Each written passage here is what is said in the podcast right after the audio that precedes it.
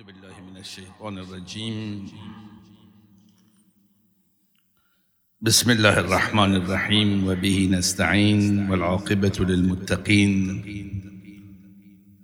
والصلاة والسلام على سيدنا ونبينا وحبيب قلوبنا أبي القاسم المصطفى محمد.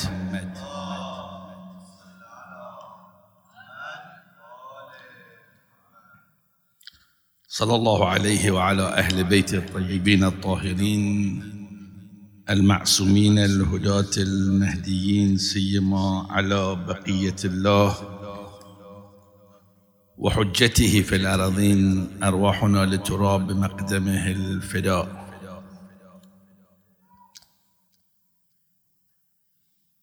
السلام عليك يا مولاي يا أبا عبد الله وعلى الأرواح التي حلت بفنائك شبی است بسیار با اهمیت مربوط به یه شخصیتی که از نظر سن کوچک سه ساله اما از نظر کار از نظر تأثیر خیلی عظیمه.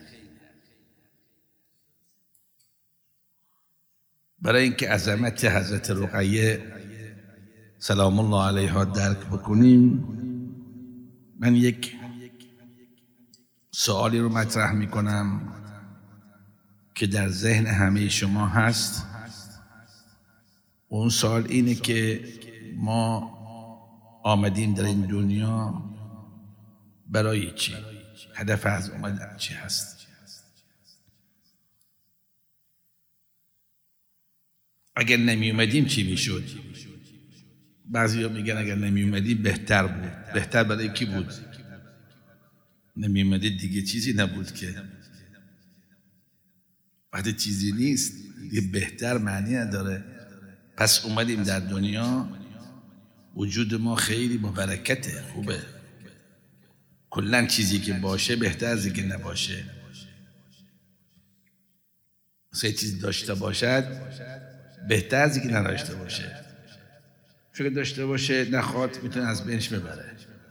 اما اگه نداشته باشه چی؟ خدا به ما خلق داد. و به همه چیز خلق داد. اعطا کل شیء خلقه. اون کسی که به شما خلق داد او بهت میگه باید چیکار کنی؟ مال خودشه دیگه ملک خداییم ما. ما همه ملک خدا هستیم. تو نباید راجع به خود تصمیم بگیری. و می خدا میگه تو مال منی من باید تصمیم بگیرم. فرزن این پولی که شما داری الان اگر زبان داشت صحبت می‌کرد. حق نداشت بگه منو مصرف کن تو این چیز. هیچ به شما داره. تو مال منی. هرچی من می‌خوام انجام میدم. هیچ ربطی به شما هم نداره. خدا ما را خلق کرد خودش. اون چی که صلاح ما هست از ما می‌خواد و اون چیه؟ یک نکته. عبد میشیم. عبدالله میشیم. عبد به معنی بردگی نیست که بعضی فکر می‌کنن عبد این انسان غلام بشه و برده باشه. نه به اون معنا نیست ها عبد. عبد یعنی قررت عین. یعنی نور چشم. یعنی بیا من بهت محبت کنم تو تسلیم من باش. این عبده. لذا عبودیت یک مقام بسیار بزرگیه. عبد خدا باید بشیم عبدالله. عبدالله که بشی عبد خدا که بشی حالا خدا بهت میگه من می‌خوام از من تبعیت کنی. تسلیم من باشی. چه کار کنم؟ تسلیم شما می‌خوام بشم. چه کار کنم؟ میگه تو باید تسلیم این شخصی باشه که من فرستادم برای شما. انبیایی که قبلا بودن حالا هم رسول اکرم.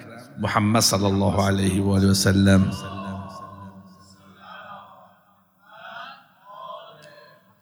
من اینو می‌خوام. پس هر انسانی که تبعیت از پیغمبر کنه مقامش میره بالا چون مطیع خداست. من اطاع الرسول فقد اطاع الله. اطیع الله و اطیع الرسول. میگه اطاعت از رسول کنید تبعیت کنید از اون هرچی او گفت. خب رسول نیست. از دار دنیا رفت.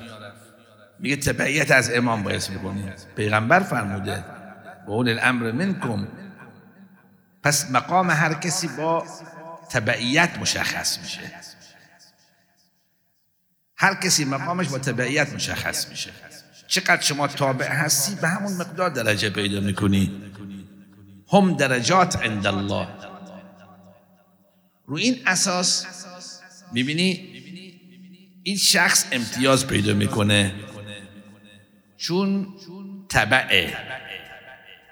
هرچی تبعیت بیشتر شد از امام انسان رشدش بیشتر میشه. می‌دونی چرا؟ چون خودش که بچسبونه به امام امام داره رشد می‌کنه. اینم پشت سرش رشد می‌کنه. تا بهشت امام بهشت میره اینم پشت سرش بهشت میره. من گوی وقتا یه مثالی ذکر می‌کنم که این مثال گرچه ساده هست اما خیلی معنی میده. یه نفر هست خودش ماشین داره. به قول ما میگیم موتور. خودش ماشین داره.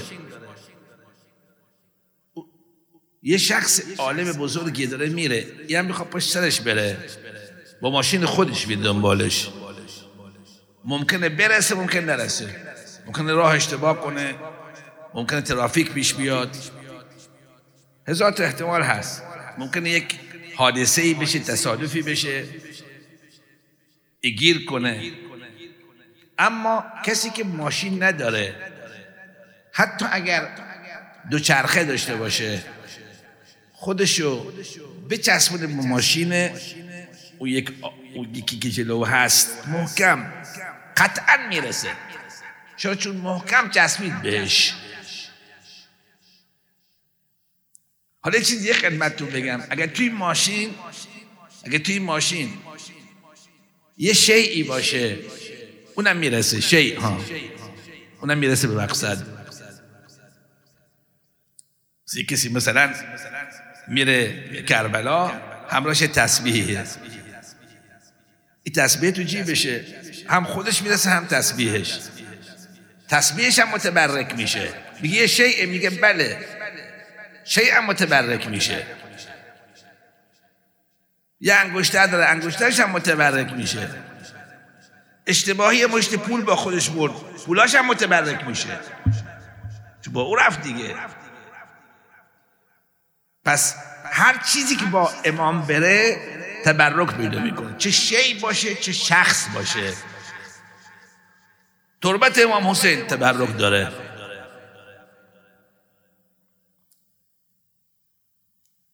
کربلا مبارکه. همه چیز برکت پیدا می‌کنه. چرا همه تابع امامه؟ یا بخواهی یا نخواهی. حالا اونه که خواستن و تابع شدن خب خیلی مهمه مثل ابوالفضل. ابوالفضل خواست و تابع شد و رفت. اینا اشخاصی که تابع حسینن. مثل ابوالفضل مثل جون مثل حبیب. بعضی بعضی چیزا اشیایی که تابع حسینن. مثل زلجنا زلجنا حسین خیلی عظمت داره. اگر شما الان یک موی از زلجنا گیرت بیاد افتخار می‌کنی درسته؟ نه موی سر امام حسین نه موی زلجنا امام حسین. حاضری مبلغ زیادی بدی بخری میگی برای من میگی چیه میگیم زلجناح حسینه. اگه تکه از شمشیر امام حسین گیرت بیاد.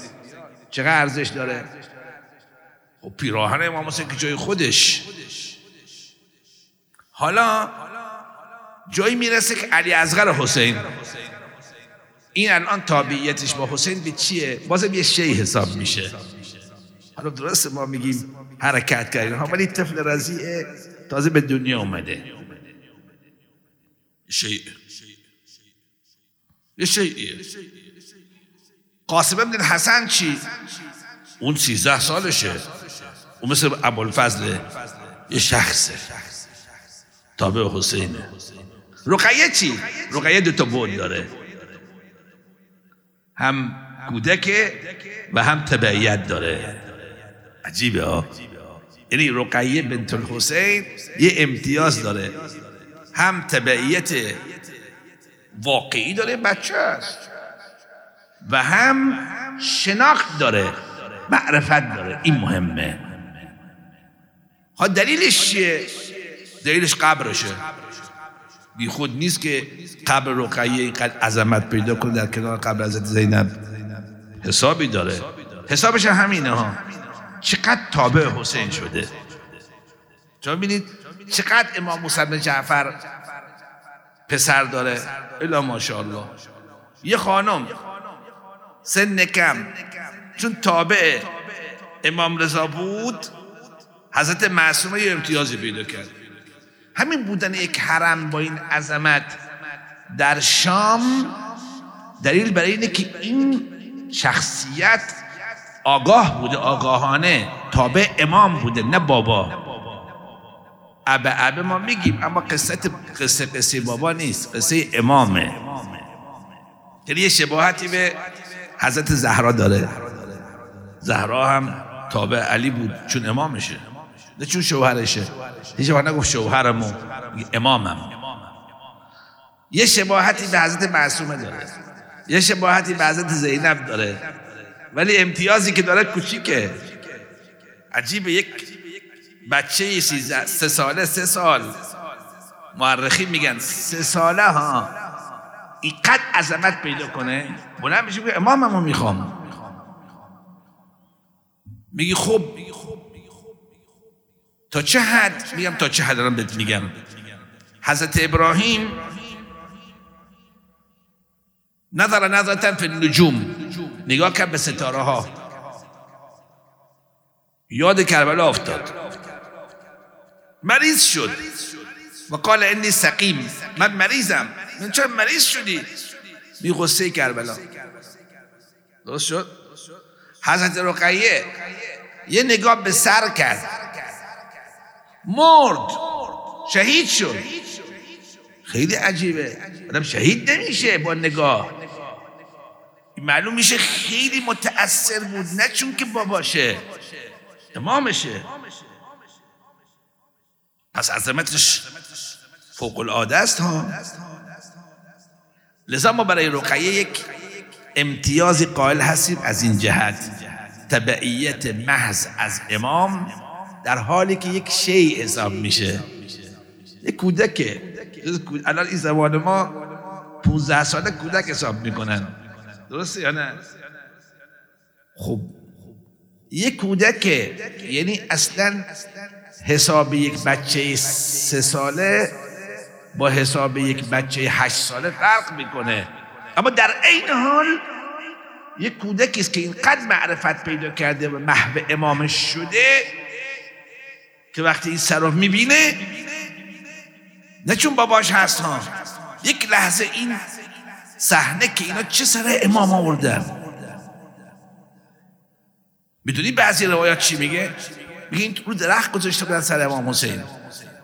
و سرهای دیگه زیر درخت. راوی میگه دیدم یک کسی بلند شد راه می‌رفت راه می‌رفت دنباله خب می‌دید سرهای دیگه. ابوالفضل رو می‌دید سر علی اکبر رو می‌دید. نه نه نه دنبال یک سر بود. بلند شد اسم شب دنبال یک سر بود. که از اون بالا نگاه می‌کرد به سر امام حسین. سلام الله علیه. بیرون خرابه همین رو گذاشته بودن. بیرون خرابه گذاشته بودن. خیلی مهم. یه نکته. نکته دوم که در رقیه هست اینه. و این نکته خیلی مهمه. حضرت رقیه یه شخصیتی است که در ظهور امام زمان نقش داره. اگر رقیه نمی بود چه بسا بسیاری از برنامه های مهدوی به هم می‌خورد دلیلش چیه؟ دلیلش مدافعان حرم. میگه حضرت زینب هست. میگم هست حضرت زینب قبول. اما دوتاشون نقش دارن. و ممکنه یک کسی تشکیک بکنه در قبر حضرت زینب. بگه اینجا نیست. چون بعضی میگن شام شام نیست مصره. اومدیم یه نفر تشکیک کرد. یه آقایی مثلا میگه من دفاع از چی کنم؟ معلومی قبل از زینب اینجا باشه. رقیه اومد تو میدون. رقیه چی؟ واقعا هم تأثیر داشت. دشمن خودش اعتراف می‌کنه که اگر این دوتا قبل نمی بودند چه بسا داعش از بین نمی‌رفت. ببین نقشه چقدر دقیق حساب شده است. از اول خداوند چجور برنامه ریزی کرده؟ گریه می‌کرد. عشق میریخت. ناراحت بود. از فقدان امام. چون امام نیده بود. یه بار دیدش توی کوفه دیگه ندید. کجاست امام کو متحیر مون. خب در روایات ما اینجوریه که خبر میدن به یزید که دختر داره گریه می‌کنه صداش بلند شده. خب بگی چی می‌خواد؟ وقتی که رفتن متوجه شدن که باباش می‌خواد امامش می‌خواد من اینو از خودم نمیگم از یکی از علما شنیدم. متنش هم دیدم ها آی میرزا محمدی ایشون میگه که سر رو آوردن نه تو طبق نه پرد کردن جلوش. متنش هم هست. انداختن جلوش. به چقدر مصیبت سخته. یا خودش انداخت رو این سر. من نمی‌دونم. میگه لب رو لب گذاشت. اصلا لبی هم مونده بود برای امام حسین. دندونی هم مونده بود برای امام حسین. خیلی مصیبت زختیه تنها کسی که حسین رو در بغل می‌گیره معمولا باید بابا دختر رو در بغل بگیره. کوچولوه. اما برعکس میشه این بار و خودش رو میاندازه. روی این سر فریاد می‌زنه یا ابا من الذي ایتمنی على صغر سنی. من الذي قطع وریدیک. رقیه بنت الحسین. اونقدر گریه کرد بکت بکاء شدیدا. یه وقت گفتن بیهوش شده. طبیعیه گفتن بیهوش شده. خیلی سان گریه کنه بیهوش میشه دیگه. وقتی که زینب آمد کنارش تکونش داد صدا زد به امام سجاد یا علی ماتت رقیه. مصیبت خیلی سخته برای که برای زینب که می‌خواد برگرده به کربلا و امانت همراه نیاورده. چقدر سخته براش. لذا میگیم لا یوم که یوم که یا ابا عبدالله. لا يوم كيومك يا أبا عبد الله وصلى الله على سيدنا ونبينا وحبيب قلوبنا أبي القاسم المصطفى محمد.